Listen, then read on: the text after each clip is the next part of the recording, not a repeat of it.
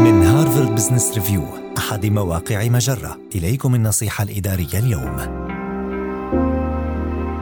أربع طرق يمكن للمدربين والمستشارين استخدامها لتسعير خدمتهم. هناك الكثير من الطرق التي يمكن للمدربين والمستشارين استخدامها لتسعير خدمتهم يتمثل أبسطها في تحديد الأجر بالساعة وهي طريقة مفيدة عندما لا تعرف المدة التي سيستغرقها المشروع لكن يكتنفها بعض العيوب مثل الحاجة إلى سجل ضخم يحفظ هذا النوع من الفواتير ومستوى التدقيق الذي يستلزمه.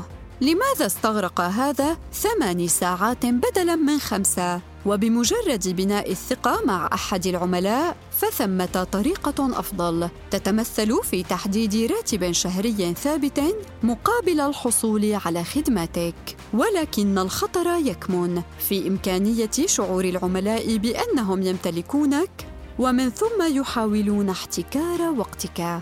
وإذا كنت تقدم خدمات محددة مثل جلسات استراتيجية لمدة نصف يوم أو مشاركات تدريبية لمدة ستة أشهر فإن الخيار الأخير هو فرض رسوم ثابتة على كل منها. وبهذه الطريقة سيعرف العملاء بالضبط ما سيحصلون عليه وتكلفته. يمكنك أيضا تجربة نموذج الدفع مقابل النتائج الذي لا تحصل فيه على أي شيء ما لم يتحسن عميلك.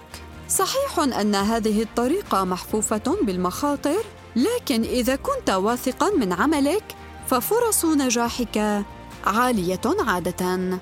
هذه النصيحة من مقال الدليل المختصر لتسعير خدماتك كمستشار أو مدرب. النصيحة الإدارية تأتيكم من Harvard Business Review أحد مواقع مجرة مصدرك الأول لأفضل محتوى عربي على الإنترنت.